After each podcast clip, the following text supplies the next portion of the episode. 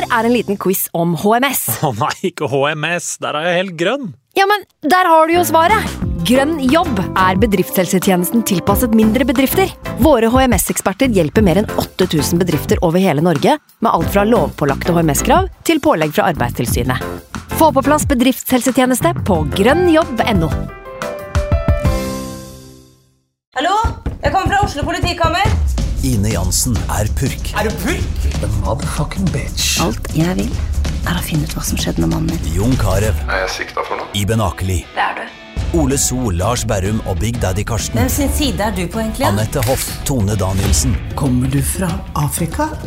Jørnis Josef, Nesten. Kløfta. Trond Espen Seim, Det er synd å si det, men det var feil mann som døde. Purk. Premiere tirsdag på TV2 Play.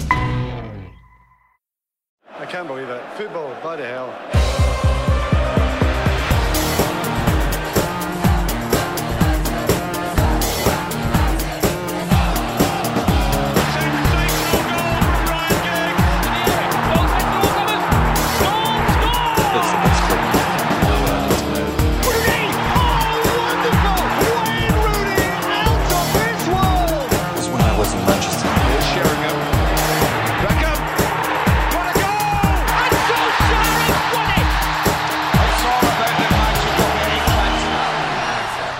Velkommen tilbake til United We Podcast. Jeg heter Kenna Senus Nilsen. Det er ved det vante. Det er det også at Anders Serener er på plass.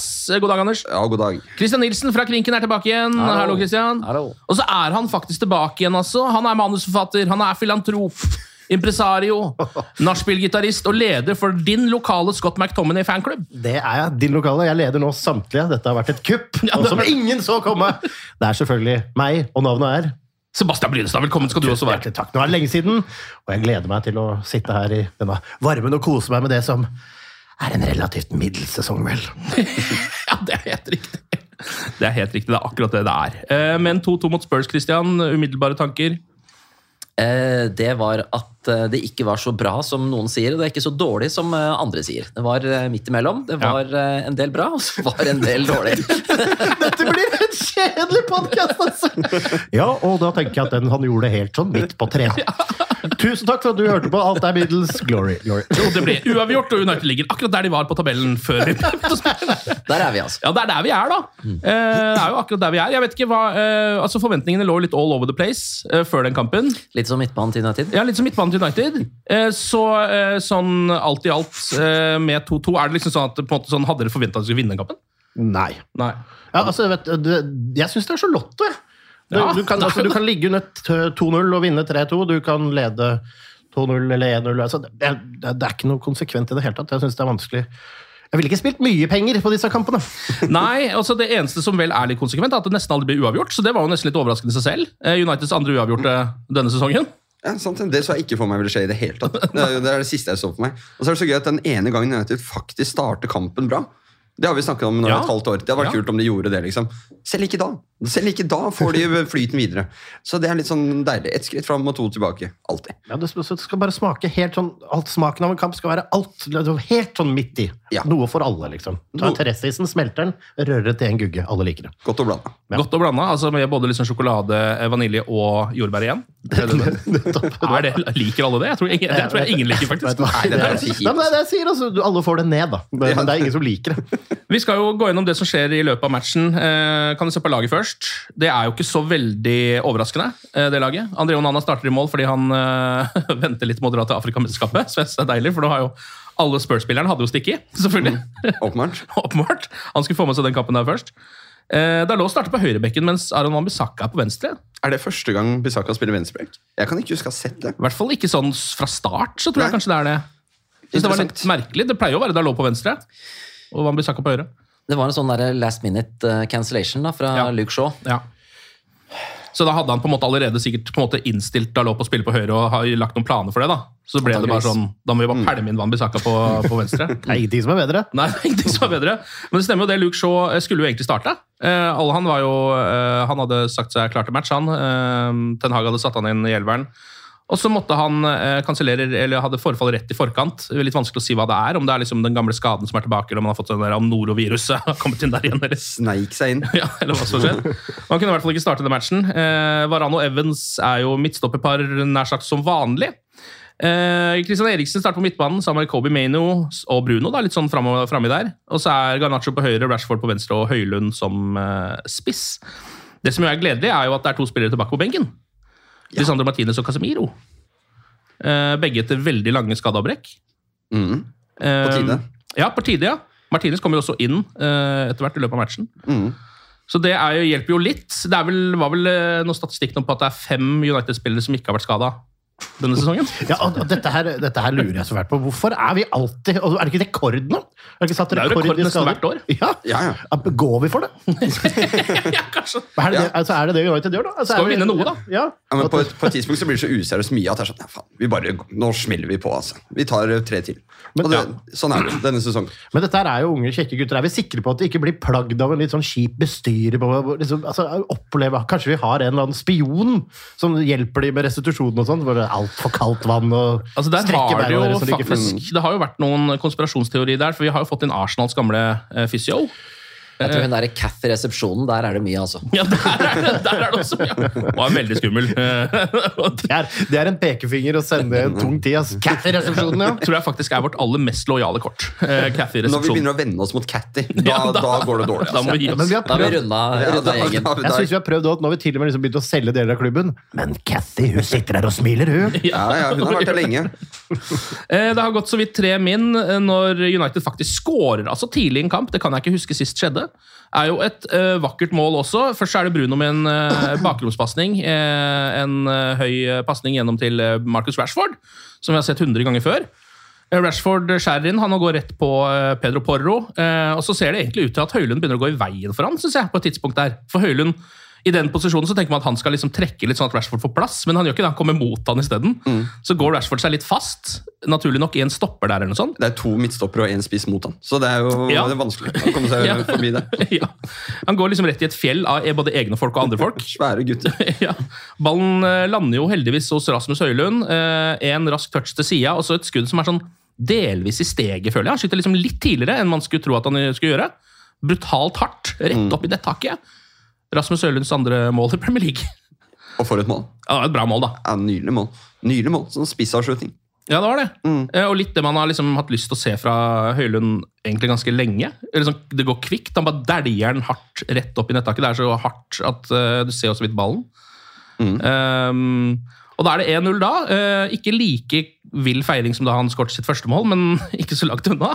Det er litt tidlig å ta seieren. Altså, det er litt tidlig å føle på det. Du, du kan ikke begynne å grine etter tre minutter. på en måte. Det, Herregud. Jeg er så sliten vet du, av innbytterpuls.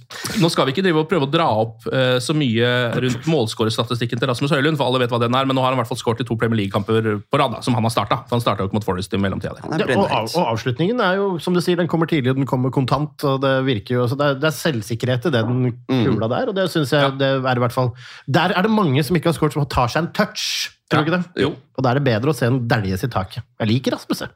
Ja, det gjør det, ja. Ja, jeg, har trua på Rasmus. Og når jeg begynner å få trua, han er ikke noe Scott McTominay. Det var, og jeg vil ikke høre noe om det værfenomenet som skjedde på slutten av kampen der. Perfekt avslutning av Scott McTominay. Køla krysset. Mystisk værfenomen. Tverrligger ut. Eh, United trykker på ganske mye i starten av matchen. Syns de starter bra. Eh, etter syv min så um, får det seg en corner som Eriksen treffer på. Det er jo ikke så ofte United treffer på cornerne sine. Eh, treffer Rashford, som på en måte prøver på en litt sånn vanskelig innsidevolley, ser det ut som, i lengste, som egentlig bare går utafor. Det er ikke en kjempemulighet, men det er vel den ene corneren United har fått til på en stund nå, hvor de liksom faktisk får til delvis det de prøver på. Ja, det er gøy. Og da er det hyggelig å se at det funker i andre enden, da. Ja, det er fint. ja. Og så er det jo corner mot, ikke sant? og da er jo da det begynner å skje. Eh, starter jo egentlig med at det er Brenn Johnson som har et innlegg til Timo Werner, som jo starter for Tottenham. Og spiller jo en ordentlig ordentlig Timo Werner-match. Han han er seg selv lik. husker dere kølen hans, eller danske kølen i krysset der? Det er ingen som glemmer det. Jeg. Jeg, har faktisk aldri opplevd at en hel fotballpub bryter ut i latter Eh, både Tottenham-supportere, United-supportere og nøytrale mennesker. Eh, alle bare lo. og Det var et sånn herlig øyeblikk. Det var vakkert. Ja, Det er jo rett og slett vakkert. Det nærmeste han kommer, er jo da i et innlegg fra Ben Johnson, hvor han prøver å heade den opp i krysset, kanskje. Eh, tror jeg Timo Werner. Og så er jo Johnny Evans mellom der og skal bare liksom stusse den ut. Men han holder på nesten på å sette i eget mål, han òg. Ja, ja, ja. Det er klart. Den går ut til corner, og eh, hva skjer da? Jo da, eh, den corneren blir livsfarlig. Eh, for det er mot Manchester United. Eh, lå redde på streken til slutt, etter Bentancour får mm. et hode på corneren fra Porro. Og så går det jo bare sju minutter til, og så er det en ny corner. og da, da, da blir det jo mål, da. Altså, hvis man bare, man vet jo, vi vet veldig godt hvor vi ikke skal stå på corner. Hvis alle flytter seg til et nytt sted. Ja, bare gjør noe ja, annet. Ja, hvis alle gjør noe annet, så er sjansen større. Men vi- Tottenham fikk vel sånn 39 000 cornere. Det fikk mange, ja. ja den kampen her, Og jeg syns alle var farlige. Ja. Jeg har faktisk aldri, Det er lenge siden jeg har sett United være, se så um, sårbare ut. Ja. Altså, det, vi er dårlige på corner imot, men, nå, generelt. men nå har vi ræva. eh, Ja. Rett og slett. Det, Tottenham så farlig ut hver gang. Men så var det også veldig gode cornere. Altså Det ble piska Absolutt. inn i en fantastisk fart. Det blei jo farlig fordi det var veldig god kvalitet. Ja da, det ble det, men, men klarer vi å forklare hvorfor United aldri får til det? Altså sånn, Eller veldig sjelden, da. På en måte, sånn United hadde jo like mange cornere som dette her mot Wigan, for eksempel, hadde jo en hel haug med cornere. Eh, og Pedro Porro slår jo cornere til Spurs. Jeg sier ikke at han har en veldig dårlig fot, for det har han ikke, men det er vanligvis Madison som slår de. Når han er ute, så er det liksom reserven som slår de, da. Blir like bra, det. Mens United har prøvd ja, vi har prøvd Bruno, vi har prøvd Christian Eriksen, Luke Shaw. Phil eh, Jones, Phil Jones. for en del Alt har vært der inne og skal piske, og det er ingen som klarer en pisk. Nei. Jeg sier dette ofte når vi snakker om det. Jeg savner den lille perioden hvor Cristiano Ronaldo var ung og skøyt corneren inn. Det var kult. Kan ikke United gjøre noe sånn igjen? Rashford han vinner jo ikke noe hoder uansett. Bare dra på Ja, ja. Og pisk den inn i feltet der. Ja. For det vi gjør nå, funker jo ikke. Og det verste jeg ser, er de der lompene på bakerste, hvor Maguire eller en eller annen stopper skal liksom heade den tilbake. Det funker så sjeldent. Og Og så ikke gjør de minst det så den gode gamle korte corneren som ender med Ja. kontring mot, som vi også har sett en del av opp igjennom. Men altså, det er jo, vi må jo sørge for at den som skal ta cornerne våre, er på banen. da. Det er jo kjekt. Så Hvis vi bestemmer en som ikke er skada 40-60% av sesongen, så kanskje man kan få, få øvd til å Ja, ta det er- corner ja. under press. Det er jo en ting. Ja. Tror det- du, det er ingen som står igjen på feltet og øver corner hos United. Det kan Nei, si. det ser vi jo.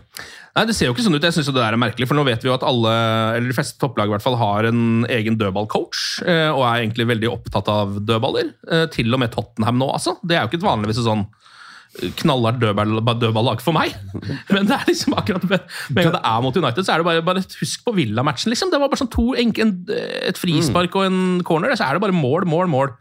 Slipper altså inn så utrolig enkle mål, Manchester United. Hvem har dødballansvaret? Er det Cathy, eller? Det, det er ikke det. Jeg tror ikke det hadde blitt noe dårligere hvis hun hadde hatt det. Nei, kan umulig bli. Hun, hun har sett noen dødballer opp igjennom, så jeg ville jo nesten satt henne på dette her. Altså. Eh, det er jo Richarlison da, som skaller den inn etter Porro sin corner. Ehm, og der også, nå er jeg, jeg er ikke noe sånn spesielt eh, god på det med defensiv organisering, for jeg er ikke noe manager. Men det er Aron Bisakka Bissaka her som skal ta Richarlison. Senere i omgangen så er det Kobi Maino som er på Romero. Som er noe av det sju. Altså, det er en mann mot en gutt, Ja. rett og slett. Og en fyr på 1,70 mot en på 1,90. Ja, det, Eh, er, det er klart det blir tungt. det skurrer jo lite grann, da. Jeg skulle tro det. Men dette har de en plan med. Det må vi bare tro på. Kan Det har de helt det er- sikkert. Ja, navnene til de de skal markere, står jo på ryggen, så kanskje det var vanskelig å finne riktig mann. Det kan det være. Det kan bli forvirring og sånt. Ja, ja, men det der, altså det er vel, De har vel en sånn slags uh, altså De har jo en sånn spesiell, for det er jo noe soneorganisering her. Jeg vet ikke hvor mye, hvor mye kan du om det her, Christian, men det er jo, de har jo en slags sånn soneorganisering egentlig på defensiv dødball. har de ikke det? Så det er liksom, så De store, gode hodespillerne går jo ikke på mann. De står jo liksom i og venter på ball. Jeg syns det er veldig vanskelig å si noe som helst om hvordan defensiv organisering er hos United, bortsett fra at det ofte er veldig dårlig. Dårligere på dødballer enn det er i åpent spill. Ja, det er det. Ja. Der sliter de skikkelig. Det skal jo egentlig være lettere, Ja. eh, som vanlig, da, fordi det er jo en dødball. Så det står liksom stille når man begynner her. Mm. så det skal jo være mulig. Utgangspunktet er på en måte likt hver gang. Eh, Ja. Og så klarer vi å surre det til hver gang. Ja, vi får ta og komme oss opp, en av oss får reise over nå, og så henger vi en gul lapp på PC-skjermen til Cathy, hvor det står 'To whom it may concern'.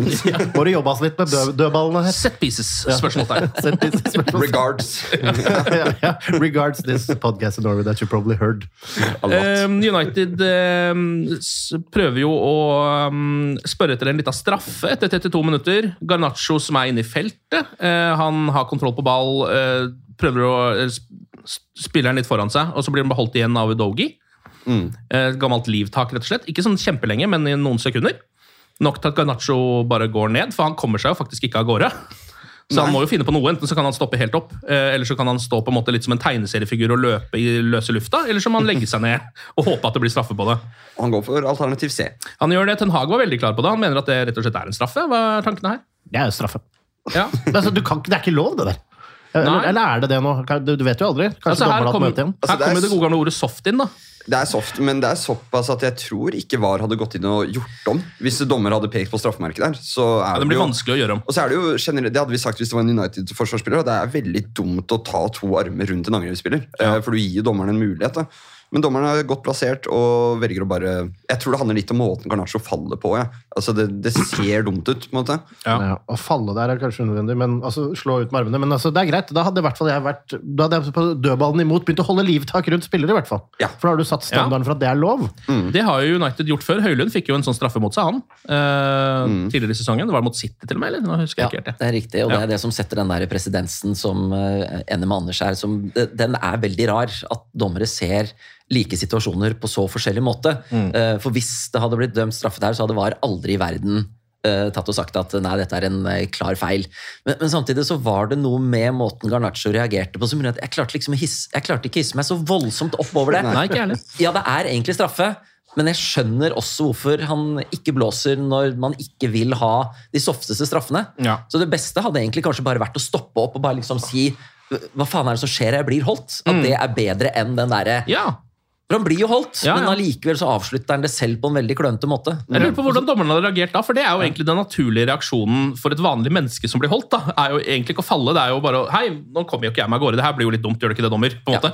Men så har du den situasjonen da i andre omgang hvor Richarlison vel får et frispark i ganske farlig posisjon ute på Uniteds eh, venstre side, hvor det holdes mindre enn det det gjorde i den, eh, den Ja. situasjonen hvor vi ikke fikk eh, straffe, som gjør at den presidenten blir enda rarere. Ja. Og, og så synes jeg, Uansett så er sporten sånn at jeg er enig i at når du ser han falle, så er det sånn Kom deg opp, liksom. Det der er flaut å se på. Men nå, nå er det jo offside hvis du er uheldig og flasser på albuen akkurat idet du skal gå over, og det er ett hudflak som Å, det henger fortsatt fast, igjen! Ja, ja. altså, da må alt være likt. Altså, da må du eventuelt bygge ut det der jævla varerommet. fordi hvis det er straffe hvis noen tar et livtak på deg, og du prøver å bevege deg og det ikke går, så må det være straffe hver gang. Ellers er VAR ytterst poengløst. da. Fordi da blir det jo wonky åkkesom. Var ikke det hele poenget? At vi ikke skulle sitte sånn og Vi tapte seriegullet fordi de fikk en straffe vi ikke fikk da. Det skal VAR fikse. Og nå er det sånn at mot City så får vi en straffe imot på en situasjon som vi ikke får straffe for. I en kamp som faktisk er viktig for oss. Så da, jeg blir pissed. Men Så du argumenterer for større varom? Altså flere folk inn der? Er? Enten altså, så må du lagre et sånt Norad, et sånt Varad, kan det hete. Svært jævla fjell med hundretusenvis av dommere fra verden over, så det er fair, som til enhver tid må stemme over enhver avgjørelse. Og det skal være millimeterpresist, altså. Gresset, sensorer i gresset. Alle som har et lasergrid på banen. Da kan VAR dømme 100% korrekt. Før VAR dømmer 100% korrekt, så er det samme for meg om du får den dommerjævelfølelsen, eller om du får å ja, teknologien og dommeren suger. Kan vi ikke da bare drite i VAR? Det hadde jeg syntes vært kult. ja. Ja, Det er jo på en måte fasit. Eh, Det hadde vært det kuleste. Å bare drite i var. Men nei, det er irriterende, og det, det eneste jeg forventer, er at de er konsekvente. Det er, det er på en måte, jeg skjønner at de gjør feil, og at de surrer, Ja. og sånn, men hvis de bare kan ha de samme reglene hver kamp, så hadde det gjort det så mye enklere å forholde seg til. Det vi kan gjøre, vi kan bygge på banene på siden et lite sånt rettssystem, hvor man kan føre, hvis man ser da at ok, her har vi en sak, da kan man som en timeout i amerikansk fotball, eller sånn challenge en avgjørelse flagget, i liksom. hockey for eksempel, eh, at da kan man si, ok, denne saken her vil vi plead. Og da kan du vise bilder og Exhibit A fra City-kampen. Og dette ser vi her skjer, så vi vil gjerne føre at eh, jamfør sak uh, You Høylund can't City. handle the truth. Ja, og, ja, altså, Få inn noen ordentlig dyktige advokater. Og det kan jo bli litt for hele familien og, og selv og det er mer penger. Da merker ser jeg for meg at vi liksom sender inn uh, His Honorable Sir Alex Ferguson med sånn oh. uh, d- altså dommerparykk uh, kommende innover der. Hear ye, hear ye. Jeg mistenker også at Cathy er en jævlig rå stenograf. Eh, Etter 36 min så får United en ok sjanse, fordi Høylund eh, presser van de Feen så mye at han rett og slett vinner ballen rett utenfor 16.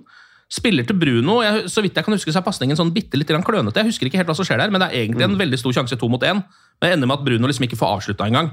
Ja. så det blir liksom ikke det helt store av det. Eh, og så, Her kjører United ganske bra syns jeg, mot slutten av omgangen. 39 minutter spilt, så er det jo Udogi som rett og slett bare nikker ballen i egen stang. Det var ganske bra heading også. Altså, det så jo veldig ut som han altså, Den her skal mot hjørnet.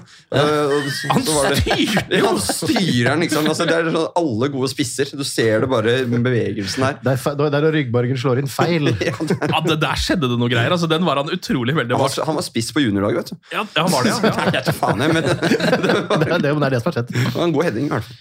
Eh, Heldigvis så skårer United eh, rett etterpå, og det er jo egentlig, eh, er jo egentlig en klasseskåring, syns jeg. da. Rashford nok en gang som dundrer opp på venstresida der. Spiller Istedenfor å gjøre som vanlig og liksom enten stoppe opp og gå tilbake og spille støtte, eller å prøve å gå av, som han nesten alltid gjør, så spiller han for en gangs skyld en vegg med, med Høylund.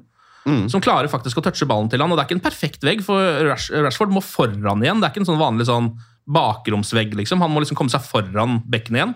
Men det gjør han, um, og setter den glimrende med um, innsida mellom beina på en stopper og helt ned i hjørnet. En spissavslutning. Ja, altså Det er jo en Marcus Rashford-avslutning, det er bare at vi ikke er vant til å se det lenger. Nesten. Ikke i året, i hvert fall. Nei. Men uh, en imponerende altså, Jeg synes det var imponerende at Høylund tenkte såpass kjapt at denne ballen skal han få tilbake. For det Ja. er så trangt.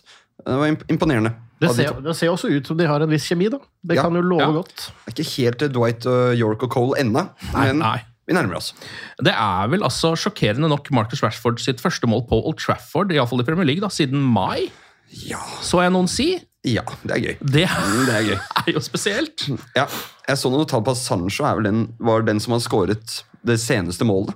Av liksom Martial, Rashford og Ja. en til på topp der. Ja. Og han er ikke i klubben lenger. Så Men han er en ekte, han er ekte ridder, da, i hvert fall. Det er litt gøy.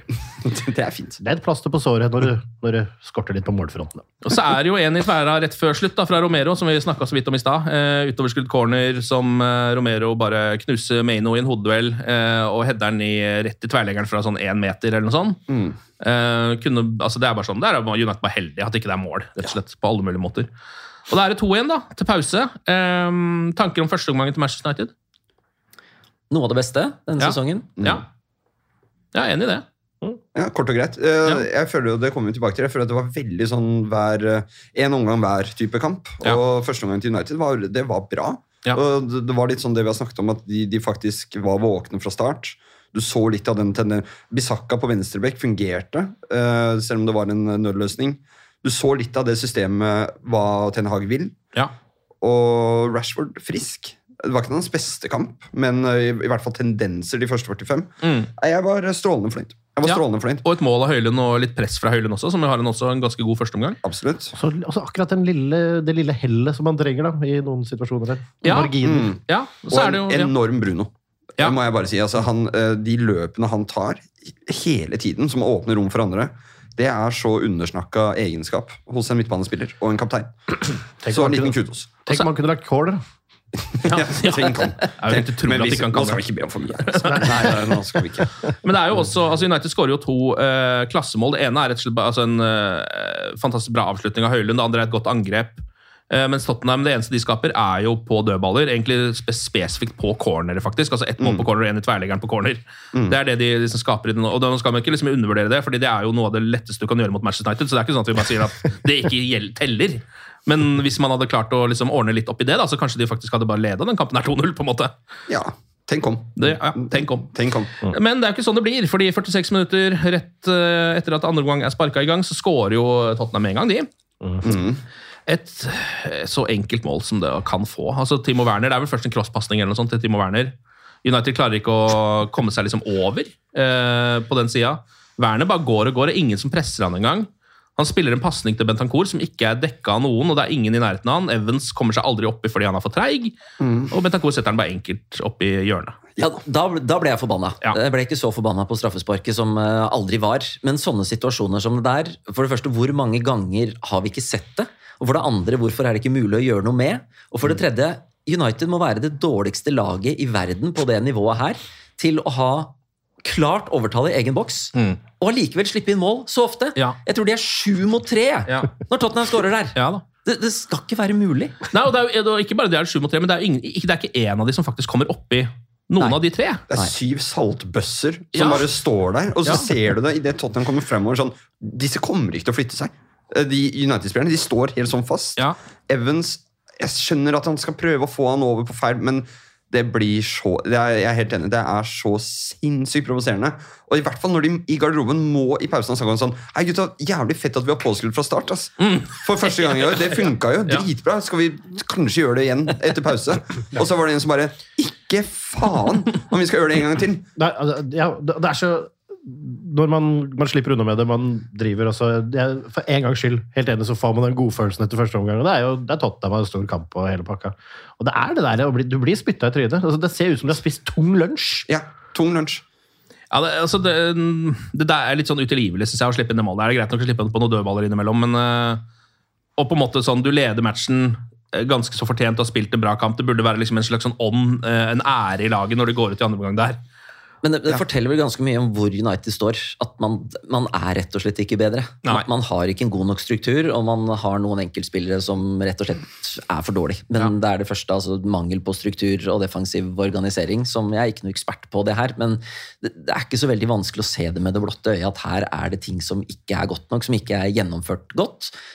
Det virker også offensivt som at spilleren som har ball, er litt usikker på hva han skal gjøre. Ja. Han er veldig usikker på hva nestemann kommer til å gjøre, og han som skal være i nærheten, er også ganske usikker på hva som kommer til å, å skje.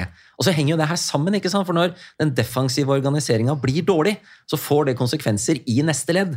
For du ser jo avstandene i United når de faktisk gjør noe riktig. De spiller seg ut av presset til, til Tottenham, ikke sant? og det skal de jo. Og så kommer jo da pasningen over på motsatt. Men der er det jo da 40 meter til nærmeste spiller i rødt. Som gjør da at Tottenham får nok tid til å komme på, eh, på riktig side. De tingene der er vel det som jeg etter hvert har vært veldig sånn forsvarer av Ten Hag hele veien. Men de tingene der, selv om det har vært mange skader, der er jeg er dritskuffa over at ikke det har klart å bli bedre. Nesten uansett hvem som spiller. At noen prinsipper må på en måte ligge i bunn. Ja. ja, og det var, er vel, var vel et av de kravene man hadde til Ten Hag, var akkurat at han skulle rydde opp litt i Kanskje spesielt det defensive. da.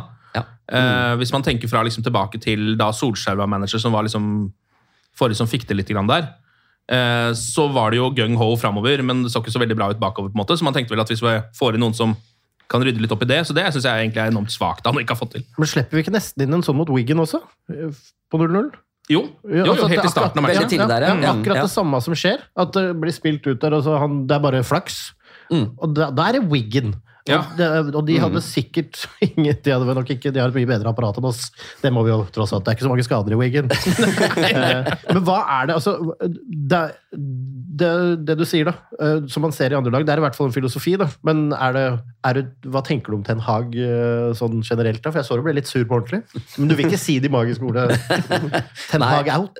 Nei, jeg er ikke noe Ten Hag out, fordi det som man så forrige sesong, syns jeg var så bra at hos meg så, så fikk han såpass mye kred i banken at eh, den sesongen her, med alle de skadene som jeg skjønner altså det, det blir vanskelig å få et så godt lag som vi gjerne vil ha ut fra det grunnlaget når det finnes mange andre gode lag der ute. Jeg er litt sånn avskrevet den sesongen her. Får vi topp fem, så er det ren bonus. Nå er det litt sånn, Vi må bare vinne fotballkamper og lage et fundament for kanskje å komme til en semifinale i FA-cupen som hadde vært kult. Da er man i nærheten av å, av å vinne noe, og så går det som det går. Og så må hvis ikke det skjer noe helt spesielt og man taper fem kamper på rad og man bare ser at det her går ikke, så må Ten Hag få et år til, tenker jeg. Men hva er, det, hva er det som brenner mest, da, hvis vi kunne kjøpt to gode spillere i en posisjon, eller to posisjoner, liksom? Hva, hvem, hva, uten navn, da. Men hva er det vi mangler mest her? Jeg synes liksom vi har Nå, nå har jo Casemiro og sånn vært ute, og, og vi har manglet en konsekvent sentrallinje, i hvert fall. Ja. Men hvem er hva altså Jeg syns det er noen gode spillere på laget òg. Jeg, jeg syns liksom vi har noe å rutte med. Jeg synes det er litt sånn Altså, det er jo- hvor god han kan være, og hvor god han er. Bruno har vi sett hvor god han kan være. Men jeg syns liksom alle spillere går til United for å bli meh i store perioder. Ja, de gjør jo det. Det er jo dessverre en sannhet, men jeg, det jeg tror United helt klart mangler på banen, er jo ledertyper. Uh, og det, Noen av de sitter jo på benken. Du merka det litt da Martinez kom inn. uh, blant annet Han tar litt grep. da. Se for deg at United skulle sluppet inn sånne mål med liksom Rio og Vidic som midtstoppere. Altså, Eller Keane på midtbanen. eller bare noen som tar... Det ville jo aldri skjedd. ikke sant? Det var en innrustis, og bare det der godtar vi ikke, liksom. Det tror jeg mangla i går, og det har mangla i mange kamper denne sesongen. At du har ikke de lederskikkelsene der ute da, som, som rister og tar grep. For da kan ikke sånne ting skje. Det kan ikke slippe inn så enkle mål. Jeg savner det gode, gamle liksom, argentinsk-italienske forsvarsspillet der. Eh, som egentlig, jeg tror Lisandro Martinez sto litt i front for, da, men det gode gamle high five-forsvaret Ja. som de hadde forrige sesong. Som er litt sånn, når, når du blokker på eh, 1-0-ledelse, eller på 0-0 til og med, så er det en feiring på det nesten. Jeg likte det litt, jeg, for det, var det- som det, det virka som det faktisk piska det i gang litt. da. Ja, men det gjør det jo. Ja. Altså, at det, du, vi snakka om det i fjor, at det å feire en takling som et mål, det er jo noe som sprer seg. Ikke sant? Og det, det var disse high fivene, og så det var et klipp som kanskje ikke dukka på TV i går, men det er en dødball helt mot tampen av kampen, hvor Martinez setter ut en på om det er Romero eller hvem som får den. Det er det. Du trenger en autoritær fyr som, som setter seg i respekt, og det også smitter over på resten av backlinja eller sentrallinja, eller hvem enn det skulle være. da. Og det så vi i ti minutter på tampen i går, og Ja. det har vi ikke sett mye av noen gang i år. Tilbake til spørsmålet.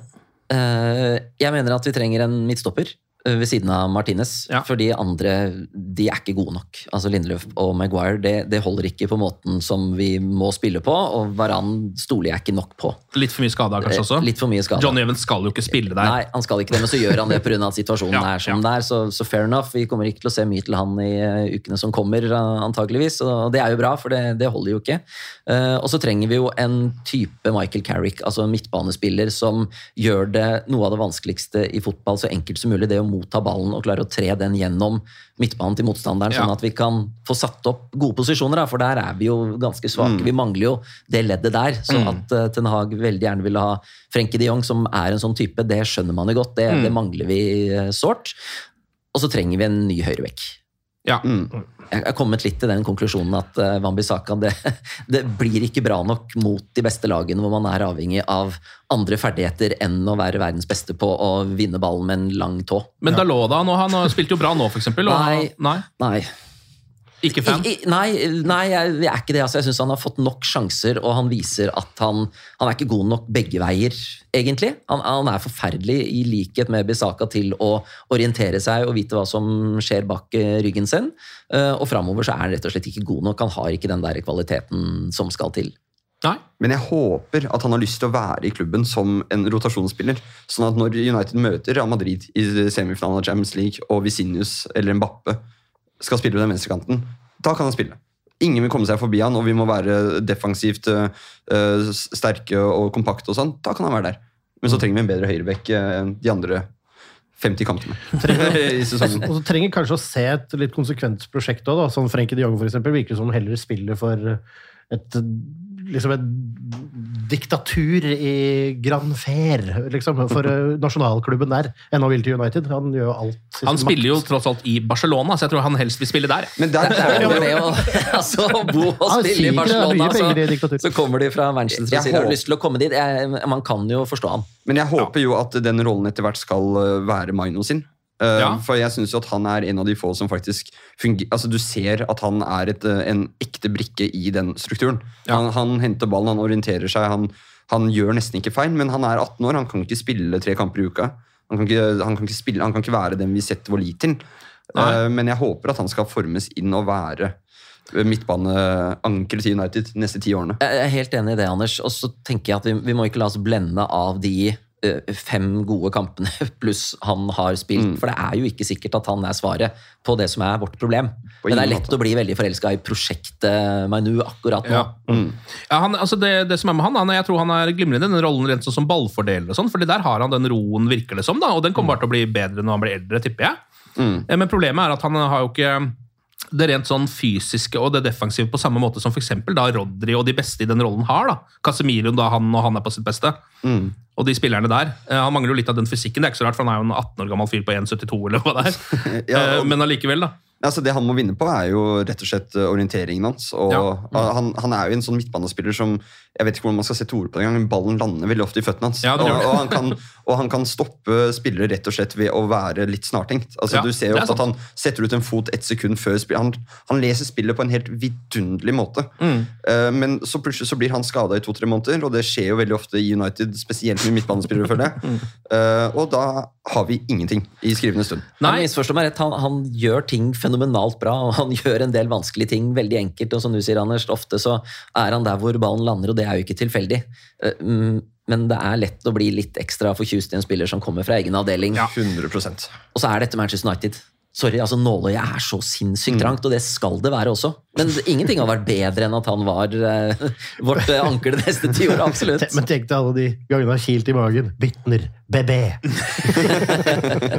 Må være litt forsiktig. Ikke et vondt ord om Butner. altså. Nei, nei, nei, men altså, alle kan ikke være Scott McTominay. Sånn er det bare. Apropos det, etter 58 minutter så går Christian Eriksen ut. Scott McTominay kommer inn i matchen. Eh, En kommentar fra fanklubben. Um, ja, det var jo synd som vi, dette, denne vinden da, som dessverre slår inn på det som er en perfekt avslutning. Men eh, jeg syns Scott eh, gjør et uh, hederlig innhopp. Ja. Altså, han, er jo, han får jo ikke lov til å spille et sted. Han er jo spiss, han er sentral defensiv midtbane, kant, back, keeper, vil jeg tippe. som Snart kommer til å skje hvis eh, Onana reiser til Afrika. Han er nok foran i køen, ja. Så han kommer fort inn der. Så, altså, han, er jo en, han er jo en potet. Jeg mistenker at han bor hjemme hos foreldrene fortsatt, sånn som han gjorde tidlig. Han er veldig nøktern, og han, han gønner i hvert fall på. da. Han er en sånn type tror jeg, som blir forbanna og som jobber, og det er ikke noe staffasje med Scott. Nei, det er det ikke. Og han blir jo faktisk, Nå er det blitt sånn at han begynner å bli satt inn, for han starter jo ikke så mange kamper akkurat nå om dagen, men han blir satt inn når man trenger mål. Det er jo litt fascinerende. Det er Scott McTominay, liksom. Han har blitt en sånn fyr som man setter inn når det skal skåres mål. Og sånn all spøk til side, det er pokker ta ikke langt unna at han avgjør den kampen for oss, ikke sant? Ja, Han får to store sjanser. Én kommer med en gang. Eh, Aron Bissaka som forserer ganske bra med ball forbi et par folk. Spiller til McTominay. Han har skrått utafor 16. Setter han noen centimeter utafor stolpen. Dårlig avslutning, faktisk. Ja, egentlig, for den sklir av litt, ser det ut som. Ja. Eh, og der, Det er en god sjanse, altså. ja, det er det, og, og akkurat der vil jeg nesten ha Scott McTominay òg. For han er god til å sette de der, eh, men den går rett og slett litt Det, utafor. det må ha vært helt sprøtt å lese en VG live-oppdatering eller høre på radio sånn Det er Bisakka som tråkler seg gjennom opp i 16-meteren, gir den til Scott McTominay, som avslutter rett utenfor. Hva faen skjer der nå? Det er en sånn Cole York-vib. Så kommer Licha Martinez endelig på banen igjen etter eh, det som virker som en eh, evighet eh, for Johnny Evans etter 63 minutter. Det er egentlig bare bytter som skjer mot slutten her. Helt til overtida. Rashford går ut, og Antony kommer inn etter 85 minutter. Og så er det jo fem minutter på overtid, da, hvor um, Garnaccio, som jo har blitt en veldig god til å legge inn Nå syns jeg han har truffet de par-tre siste kampene veldig mye med innleggene sine. Mm. fra den uh, høyre kanten. Nå tror jeg han var over på venstre fordi Rashford har blitt bytta ut. Han var det. Eh, køler han inn mot eh, McTominay, som er helt, eh, altså helt riktig bevegelse inn i boks. Det er der han skal være. Yes. Han går opp med sin eh, høyreiste skotske pannelugg, eh, men kommer seg ikke ordentlig over ballen, ser det ut sånn. Det mangler de siste centimeterne der, Ja. eh, dessverre. Den er litt grann for høy, altså. Men den var sånn som Strålende innlegg og et herlig løp. Ja, og I det innlegget kommer jeg ser at det er McTominay i den posisjonen, så tenker jeg det her blir faktisk mål. altså. Jeg har et nanosekund hvor jeg tenker at det blir mål. Jeg, vet du, Der tror jeg Garnaccio og McTominay har en sånn bra link. For Jeg husker det der skjedde i fjor også, men da skårte McTominay. Jeg tror det var Westham i cupen eller noe sånt. Nydelig innløp, og Garnaccio samme posisjon. Eh, Så de skjønner hverandre, og McTominay er jo der han skal være. Men det er litt som, som hoppeksperten på sida her ville sagt. altså Det kommer et lite sånn vinddrag rett etter headingen, som bare går sånn rett over. Litt, litt lite spenst i banen nå, som er de første sakene. Det er, ta- men det får banemannen ta på sin kapp, ass. Eller, eller Catty. Cathy må ta den eh, liten gul lapp. Det er litt lite spenst i banen, Cathy. Eh, jobbe med det til neste match. Ja, ikke servere banemannen fried Mars bars akkurat når det skal kleppes. Så det var jo det siste United fikk til i denne matchen. da, Fem minutter på overtid. Eh, Da blir det 2-2, da, som jo selvfølgelig var mitt tips i episoden i forkant. Men det må sies, jeg treffer nesten alltid. Eh, Bare folk har ikke fått det med seg ennå. Eh, Hvordan går det med tippinga? Jeg setter aldri penger på det, nei. Det syns jeg blir umoralsk. for jeg, det er jo åpenbart, jeg teller jo, jeg teller jo kort her. altså Jeg kan jo faktisk Jeg veit jo hvordan det går. Du er Raidman, du. Ja, jeg er Raidman Men ok, alt i alt et helt ok resultat. Skal vi si det, eller? United burde jo kanskje ha vunnet kampen ut fra førsteomgangen, men andreomgangen er, ikke- er jo langt fra like sterk. Ja, det, er ikke et, det er ikke et ufortjent 2-2-resultat, men jeg synes at vi er bitte litt uheldige i den straffesituasjonen. Og så selvfølgelig da Det er jo ikke uhell at det ikke blir målet der på tampen, men hadde kanskje Hvis noen skulle vunnet den, så syns jeg United kunne ha vunnet den. Ja. Og spør du Tottenham-supportere, så tenker jeg at de kommer til å si at nei, jeg syns at vi burde vunnet fordi andreomgangen eh, er såpass bra. Men Løgnaktige svin, de der. selvfølgelig. For Tottenham skaper jo egentlig veldig lite. Altså. De har flere avslutninger på mål, men de fleste er jo bare lomper rett på Onana. De Fra utenfor 16. Jo, ja, de, de skaper egentlig veldig lite, og så har de en del ball, og den statistikken er det mange som eh, henger seg opp i. Det syns jeg bare er altså, det er- tull. Det, det spiller null rolle. At, altså, det er utligningsmålet, og det er ikke vanskelig å spille mot terrakottahæren. Den står der bare. Den står der. Og så er det to andre ting som jeg, er, eh, som, som jeg lurer fælt på. Og det ene er hva er det som er planen i den organiseringa på midtbanen når det andre laget har ballen? Ja. Fordi det er altså så store rom foran og bak og på siden av uh, nå, Og det er jeg skuffa over det der også, at ikke den eh, trenerduoen eh, vår som kommer med et godt rykte, klarer å være bedre på det å forandre kampbilder når de ser hva er planen til motstanderen. Ok, dette vet vi, så da gjør vi det her ganske raskt. Det syns jeg veldig ofte skjer. Og så har du et Tottenham-lag som eh, mot Chelsea, hvis de av dere som så den kampen kan tenke litt Ja. tilbake, står altså så høyt med den backfireren at vi ikke slår mer i bakrom mot uh, våre raske spillere. Det, det skjønner jeg ikke. For Det det hadde blitt farlig hver eneste gang. Vi gjør det kanskje fire-fem ganger i løpet av den andre omgangen. Ja, og det det- har jeg vanskelig for å forstå. Og det skjer jo for første gang etter to minutter. Da blir det mål. Ja. på en måte. Absolutt. Eh, når Bruno slår på Rashford der. Det er jo en klassisk sånn ball. Eh, men jeg er enig i det. Den, den sjansen slutter de å ta etter hvert. Ja. Slutter å spille så direkte, da. Som jeg tror kan være lurt mot Tottenham, for de Ja. står jo på midtbanen. de. Ja. Men Tottenham har få sjanser. Altså jeg, jeg er veldig usikker på hvordan det kampbildet hadde sett ut hvis for Tottenham hadde hatt Madison og sånn. da. Si at de hadde spilt. Jo, jo. Da tror jeg United hadde vært in deep shit, for å si det rett ut. For jeg satt veldig med følelsen av at Tottenham egentlig bare mangla én kreativ spiller. Én spiller som kunne finne den gjennombruddspasningen. For det var så en enorm Altså Hvis det hadde vært sånn som fikk ballen hver gang Timo Werner fikk den Ja. Se for deg det. Det hadde jo sett litt annerledes ut. Det hadde Eller, jo det. eh, Ikke like morsomt, da. Nei, er Eller Madison istedenfor Skip, da, med Ja. ballen i beina. i den, altså, så, så er det, det hadde, Da hadde vi hatt skikkelige problemer. Og Jo, jo. Også, Men da kan man den- også si hvis United hadde spilt med også, på en måte. Og hvis jeg Eh, hadde vært gjeller, så hadde jeg vært en fisk. Ja, sant, ja, og. Men, men eh, jeg syns at denne kampen her var veldig sånn beskrivende for hvor United er. Og hvordan sesongen vår er. Fordi ikke bare er litt sånn apatisk etter 2-2 eh, mot Tottenham på Old Trafford, men det er liksom sånn, ja, det er litt bra, og så er det litt dårlig. Ja. Og så er, Men, men løses ikke mye? Altså, skulle man ikke hatt et midtbaneseminar på Bolkesjø eller et eller annet sånt? da? At de reiser ned der og litt godt i glasset på kveldene og litt teambuilding og ja, kanskje. kanskje gå på teaterstykke og det, altså, det har fungert for mange bedrifter, og dette er Bolkesjø. Nå, nå ble dette, er, dette er ikke reklame. Obs! Jeg vet ikke hvorfor jeg nevner Bolkesjø, men jeg føler det er liksom Du må slutte å si ordet Bolkesjø. Nå har du sagt det fem ganger. Jeg vet hva, La Manga. Det, eller, altså, ta et midtbaneseminar. Kan ikke midtbanegjengen liksom møtes og bare tenke Så jeg tror 90% av alle fotballag er på La Manga hver sommer, og det pleier ikke å bli så veldig mye bedre av det. Eh, Men Mikado på Bolkesjø, tenker jeg. Eh, Marcus Rashford har begynt å levere målpoeng igjen. Nå har han vel faktisk mål eller assist i de fire siste kampene sine, tror jeg. Ja. Sånn annenhver gang mål og assist, omtrent. Mm. Det kan jo være noe. Jeg syns ikke at han spiller nødvendigvis dritmye bedre, det gjør jeg ikke. Men det er jo et steg i riktig retning. Jeg, jeg syns han spiller litt bedre. Og så ser du fortsatt at han øhm, han, han, han svikter litt i, i liksom den avgjørende fasen. øh, hvor han veldig ofte nå går seg fast, Ja. eller rett og slett bare spiller ballen ut, for han øh, overvurderer sitt eget rykk, eller uh, nøyaktig hva det blir. Så det var ganske mange nesten-sjanser for United i går, hvor hvis Rashford hadde uh, valgt annerledes, uh, så hadde det blitt en stor sjanse. Ja. Men så er han jo fortsatt en såpass kvalitetsavslutter, for eksempel, at det blir jo mål ofte da, når han får en sånn liten sjanse. I hvert fall nå. Nå er han litt Mm. sig igjen på det. 20 bedre. vil jeg si. 20 bedre. Mm. Hvor mye kan det ha å si at eh, Martinez og Casemiro er tilbake? tror du, Christian? Eh, Førstnevnte utrolig mye. Få Ja. han i gang først. Eh, Jeg føler liksom at når han kommer inn i laget, så veit vi hva vi kommer til å få, og det kommer til å bra, bli bra. Og så løser en del av den der frispillinga bakfra, for han har en veldig fin uh, pasningsfot. Mm. Eh, så det har vi venta veldig på. Og så er jeg litt mer usikker på uh, Casemiro, hvor bra det er. Ja. Jeg avskriver ikke han i det hele tatt, det syns jeg er altfor tidlig, men sånn er jo fotballverden blitt. Da spiller du et dårlig kvarter, så er du, eh, da er du ferdig. men- men, så få han tilbake, for det, det kan jo ikke bli så veldig mye dårligere sentralt på midten her. Jeg fulgte ikke så godt med, for det er umulig å holde styr på alle skadene i United, så jeg velger bare, bare ut noen spillere å følge. Mm. Men hva var det som skjedde med ham, egentlig? Hva, hva er det som har vært Hvorfor han jeg husker ikke akkurat hva slags skade han har hatt. Jeg har lyst til å si hamstring. Ja, det tror jeg det Eh, var, faktisk. Ja, for det er ikke en sånn, det er ikke noe Owen Hargreaves på gang her nå. Sånn at, uh, altså, han er ikke noe prone for injury. Uh, det kan Altså, jeg Han er jo gammel, da, så han er nok litt prone for injury. Uh, det tror jeg jo. Ja, Han er jo Ja. bare 31, vel, så det er jo ikke sånn at han Han burde vært mer tilgjengelig enn det han har vært. Ja. Han er 31 med veldig mange minutter i beina, tror jeg. Eh, For det var så merkbart utover sesongen i fjor og litt innledningsvis i år at sånn, det blir sånn tyngre for, Ja. for hver kamp. Og så håper jeg at han ikke er helt mett, og vi hadde så inn i granskauen trengt en Casemiro i form ut sesongen nå. Men er det liksom det som er midtbanen nå, tror du? Altså Casemiro og eh, Kobe Eller? Ja. Sånn, hvis, hvis, begge er, mm. hvis begge er friske, liksom? ja. Det, kan jo bli, det høres jo umiddelbart litt bedre ut da, for Christian Eriksen. Det går, altså, jeg elsker Christian Eriksen, det gjør alle. Fantastisk fotballspiller. Men det, Men det går det går sakte. Ja.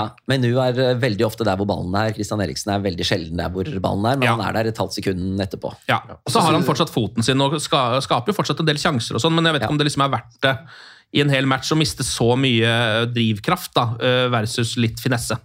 Nei, også, han, han har en av de nydeligste beina i verden, og så tror jeg dessverre at nå går det litt for sakte. Sånn litt for sjelden når det er i de posisjonene for å slå de gode pasningene. Så man ser ikke så mye av det lenger. Jeg tror nok at eh, det, det begynner å nærme seg slutten i United for Eriksen, til tross for at vi alle elsker han og vil ha han med for alltid. Mm, ja. Eh, ellers noen få rykter på tampen her, eller rykter, altså ting som har skjedd. Hannibal Meibri er jo klar for Sevilla. Eh, så den er liksom grei. Eh, da er han ute der og skal få litt erfaring, eh, kanskje litt mer spilletid, forhåpentligvis komme tilbake bedre, eller bli solgt for litt penger. Ja. Eh, og så har jo Sancho selvfølgelig allerede kreditert sin første assist for Dortmund. Det skjedde jo med en gang, det. Ja. Bare rett inn der. Det måtte jo skje. Det måtte jo skje. Jeg, to ord om det der. Eller den der annonseringsvideoen til hvordan han smiler og 'nå er jeg hjemme igjen' og det greiene der. Det er ikke noe fremtid for han i United. Jeg, jeg tror at eh, det der er helt og holdent over. Og jeg er så lei av Sancho. Jeg er så lei av å lese om han. Jeg er så lei av hele greia. Eh, Det var det beste for alle parter. Få han tilbake til Tyskland. Ja, jeg tror det var det, altså. Eh, ellers så har jo Ole Gunnar Solskjær vært i møte med det svenske fotballforbundet eh, om landslagsjobben der. Det er jo litt spennende. Vi har jo sittet og venta på hva som skal være hans neste jobb. Ryktene er jo at han har fått litt tilbud her og der, men ikke noen av de virkelig store tilbudene.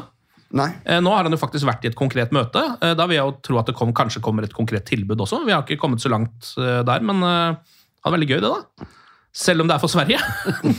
Som han selv sa, altså han har jo vært Manchester United-trener, så da kan man være litt kresen på hva man har lyst til å gjøre etter det. Ja. Men det svenske landslaget, jeg leste noe om det, at det er ikke akkurat drømmejobben nå. De er vel i en ganske sånn En, en svekket state nå, Ja. og det er vel ikke i Solskjærs Jeg tror ikke han er mest keen på å komme inn liksom, og få en jobb der hvor du er litt dømt til å ha en veldig tung periode. Tror du det? Husker du at han var trener for Manchester United? Eh, Eh, I en ganske tøff og tung periode. Men husker du alle de internasjonale fansene av det svenske landslaget? Det er noe med status i jobben som Manchester United-manager. Bare bitte litt. Men mountains are there, there to be climbed, som han så fint en gang sa. Ja, altså Beans, beans, beans, som eh, Jesse Lingard en gang sa. Det er i hvert fall interessant der at nå begynner å røre seg ting rundt han. Det virker som han har på en måte hatt Nå har han hatt en lang nok hvileperiode. Han har telt pengene sine en tre-fire ganger. Og han har vært Uefa-observatør. At nå er det liksom, det er bilder og det er rykter, det er mer håndfaste ting. Så det virker som han er på vei tilbake Ja. en eller annen gang. Men som det blir sagt, han kan jo være så kresen at han kan velge virkelig den jobben som, eh, som han ønsker seg. Og jeg tenker at det å ta over landslaget til Sverige, som er såpass dårlig nå, da kan det egentlig bare gå én vei. Ja. Det kan gå oppover, og så er det noe Det er, liksom, det er litt pirrende for en nordmann å trene det svenske landslaget. Ja, det er jo det. Eh, Mm. Det jeg ville gjort selvfølgelig hvis jeg var Solskjær, er å bare vente et halvt år og ta den norske eh, landslagsjobben, for den kan nok også bli ledig etter hvert. Eh, og være mannen som drar de tilbake til VM igjen. Da har han nok en sånn Wonderkid-greie gående ved seg. Hadde jo vært litt, eh, det hadde vært koselig, altså. Det Hadde jo vært vært noe. Da vinner vi VM-et. Men av andre ikke så koselige ting på overgangsfronten. Det blir kjappe eh, runder rundt bordet. Carmen Sema, et halvt år lån. Hva tenker vi der? Nei, det, det, altså skal vi, ja, det, blir jo, det er jo Casemiro og Varan igjen, bare en, en enda eldre fyr, da. Er det ikke litt sånn been there, done that? Lært leksa vår? Real Madrid Old Boys, som det Ja. kalles. Ja, Det begynner jo å bli det, da, hvis man henter inn han. Ja, jeg bare ser det har vært snakket en del om. Jeg har ikke, nå har jeg ikke sett han uh, Her følger du ikke med i Al Etiad? Nei, jeg har ikke f- sett hvordan det har gått der. Uh, men, men Nei, du skal passe deg Så jeg vet ikke hvor god han er nå, men den, det han gjorde før han dro dit, var jo uh, ren verdensklasse. Så jeg, jeg vet ikke hva som er nivået der nå. Ja. Men jeg kan jo ikke se for meg at det blir noe bedre enn å ha Cristiano Ronaldo den sesongen han var der, og det likte jo ikke folk engang. Så jeg, jeg vet ikke. Nei, det hadde bare vært så inn Veldig typisk United uh, å hente. Benzema nå. Og jeg må innrømme selv, jeg ble sånn, ja faen, kanskje det er en god idé? Og så tenker man to ganger så bare, nei, vet du hva, det er det jo ikke lenger. Altså, det jeg tenker med en gang, jeg skal si det rett ut her, det er sikkert mange med meg som hører på. Han er 90 på Fifa! Han er 90 på Fifa, er det ikke det? Det. Og vet du hva? Det er ikke, han er ikke noe pyse. Jeg tror vi kan få noen mål av han. Og så tror jeg kanskje ikke han er så Ronaldo-ete heller. Som Ronaldo. Jeg tror han kan være mer altså Uten at jeg kjenner fyren i det. Men at det kan være litt mer tilgjengelig kanskje for uh, å ikke være så diva. Hvis du Han var jo skyggen til Ronaldo i sånn ti år. Ja. Eh, Men om det blir en realitet, så sier jeg nå høyt på lufta at da skal vi få en Jon Carew her. Og så skal vi også høre litt om hvordan han lærte opp Benzema i uh, way back i Lyon. Eller hvor det var. Ja, nei, altså har Jon Carew som Kanskje vi skulle hatt han inn som spisstrener i United. Altså det vi får se, men Det høres jo veldig United ut å hente han. da. Eh, Og så er det jo sånn at de nå en gang faktisk trenger en reservespiss. På et tidspunkt, uansett hvem det er, nesten. Ja da, vi gjør jo det. Eh, Og har jo hatt delvis gode erfaringer med noen av de gamlingene. Kavani for eksempel, var helt fin å ha i troppen. Henrik. Larsson. Henrik Larsson. Michael Owen. Hvor er Henke om dagen, da? Har den leggen ordna seg, eller? Jeg så han i en episode av Solsidan, husker jeg, for noen år siden. Han ble skuespiller. Ja. Helvete, det er der vi mister dem. Han gikk Cantona-veien. Ja, ja, han gikk Cantona-veien. Kan ta en aller siste her. Det her er ikke noe som eventuelt skal skje før til sommeren, men det er snakk om at eh, Michael Olysee, altså eh, vingen skråstrek offensiv midtbanespilleren til Palace, er eh, noe United vil ha. Eh, det er snakk om da å sende Van Bissaka tilbake til Palace igjen, faktisk. Men hvis vi kan få inn uh, Olys, Olis, eller hva Ja. man sier, uh, på, i Antonys sin posisjon Ja, det er jo der han spiller. hver dag i uka Uh, Jeg syns han virker ganske god. han er skamgod, altså. jeg synes han er god, ja. Ja, han er. Og, det, og det lille vi så Antonis innopp i går, Ja. det, det Jeg tror dessverre ikke at det der blir noe av. altså. Det eneste var som gjør at jeg er litt Ja, skeptisk eh. Litt skeptisk til Olysée. Jeg er ikke veldig skeptisk til han. Han er jo 26 år, jeg syns han virker veldig god. Uh, Men han jeg føler at det er da litt fordi at han skåret et sinnssykt frisparkmål mot United forrige sesong, eh, og ikke jubla engang. Han tok en kantona. Ja, han gjorde det. Han bare Ja. sto der og bare syntes det var helt vanlig. Men det er liksom hans greie, tror jeg. Ja, han jubler ikke, faktisk. Nei, for- Det er liksom mål. hans ting. Han har ikke livsgnist. Ja, Men feire postmannen når han leverer post. Han, eh, min gjør det.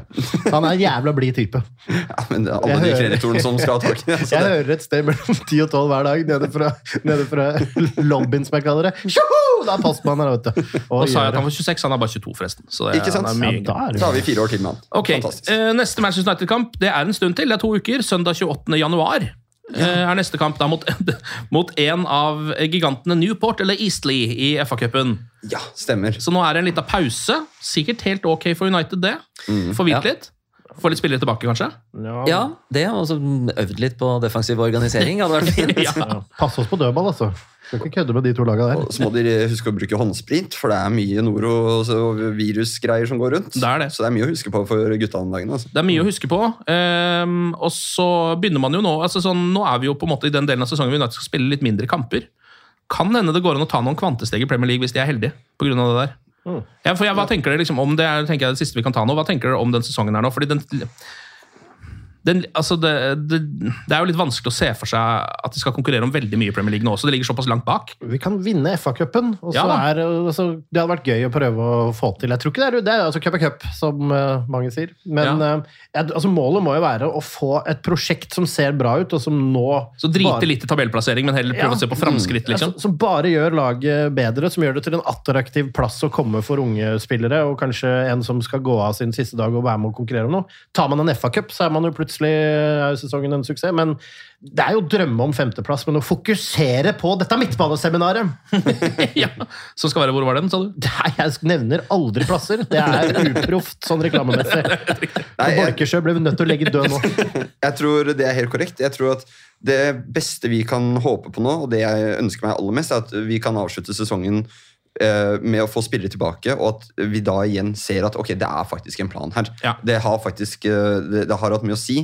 Nå er Casemiro tilbake, og Martinez, ikke sant? og disse kommer inn igjen. Og så avslutter vi med at vi ser ålreit ut.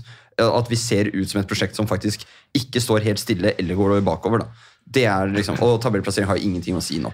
Nei. Ja, 70% mer Scott McTominay da, på vegne av foreningen. Han Ja, Man begynner å sette de sjansene. Begynne å sette, Har du sett hvor mange mål han har skåret? eller? Målpengen til Scott McTominay. Han er jo fortsatt toppskårer, er det ikke det? Må vi ha med denne fanklubben ofte? Det er jo første gang i Hva er dette Scott McTominay? Altså, det er toppskårer i klubben fortsatt, er det ikke det? Jo, jeg tror han er det. Altså, det er bare sånn, Det er hva er det ikke en om? positiv ting. Det, altså, det, er, men det, er så, det er så bra folk er sånn Scott McTominay. Helt fra starten, ingen som likte den. Bodde hos foreldra, kom på jobb. Har dere sett dokumentaren om Alex Ferguson? Han er jo en lang, kjekk Alex Ferguson. Ung Alex. Managermateriale! Allerede, spille- faktisk. Kan spille overalt. Skårer, stopper angrep, header ut. Scott McTominay. Header ut over mål. Dette var en offisiell beskjed fra Scott McTominay. Eh, Fanklubben, meld deg inn der du finner din lokale Scott McTominay-fanklubb. Og så tror jeg vi lar det være siste ord for i Ja, vi har et veldig enkelt innmeldingssystem. Bare rop Scott McTominay, så er du med. Så er du med. Eh, Seb Anders og Christian, tusen takk for praten, og glory, glory.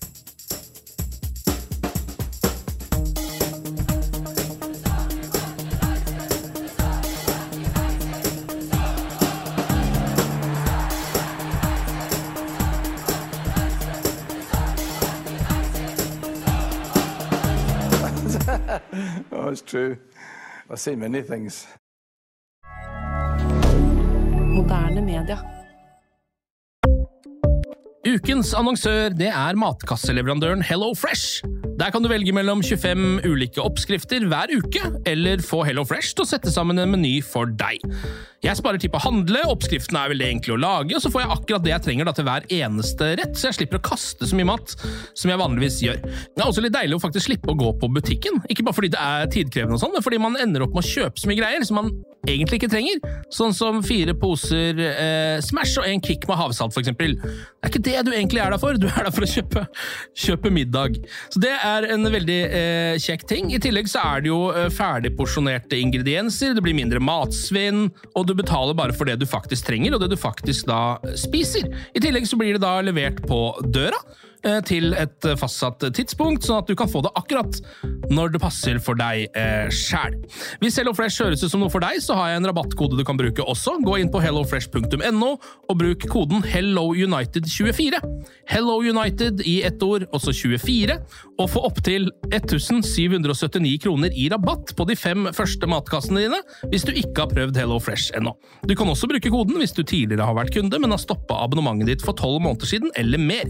Det er ingen bindingstid, og du kan pause eller avslutte abonnementet ditt akkurat når du selv måtte ønske. Husk koden HelloUnited24, og bon appétit!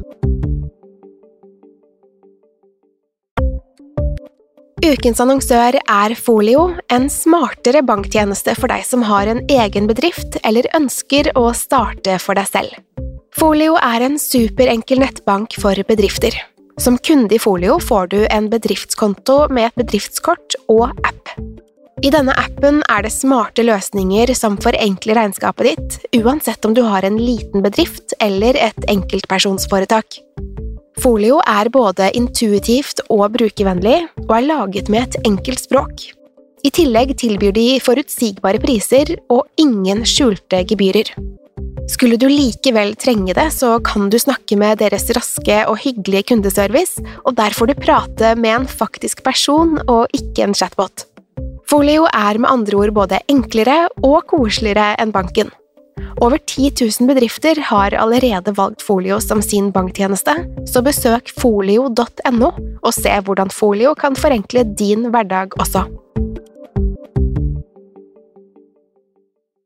Har du et enkeltpersonforetak eller en liten bedrift? Da er du sikkert lei av å høre meg snakke om hvor enkelt det er med kvitteringer og bilag i fiken, så vi eh, gir oss her, vi.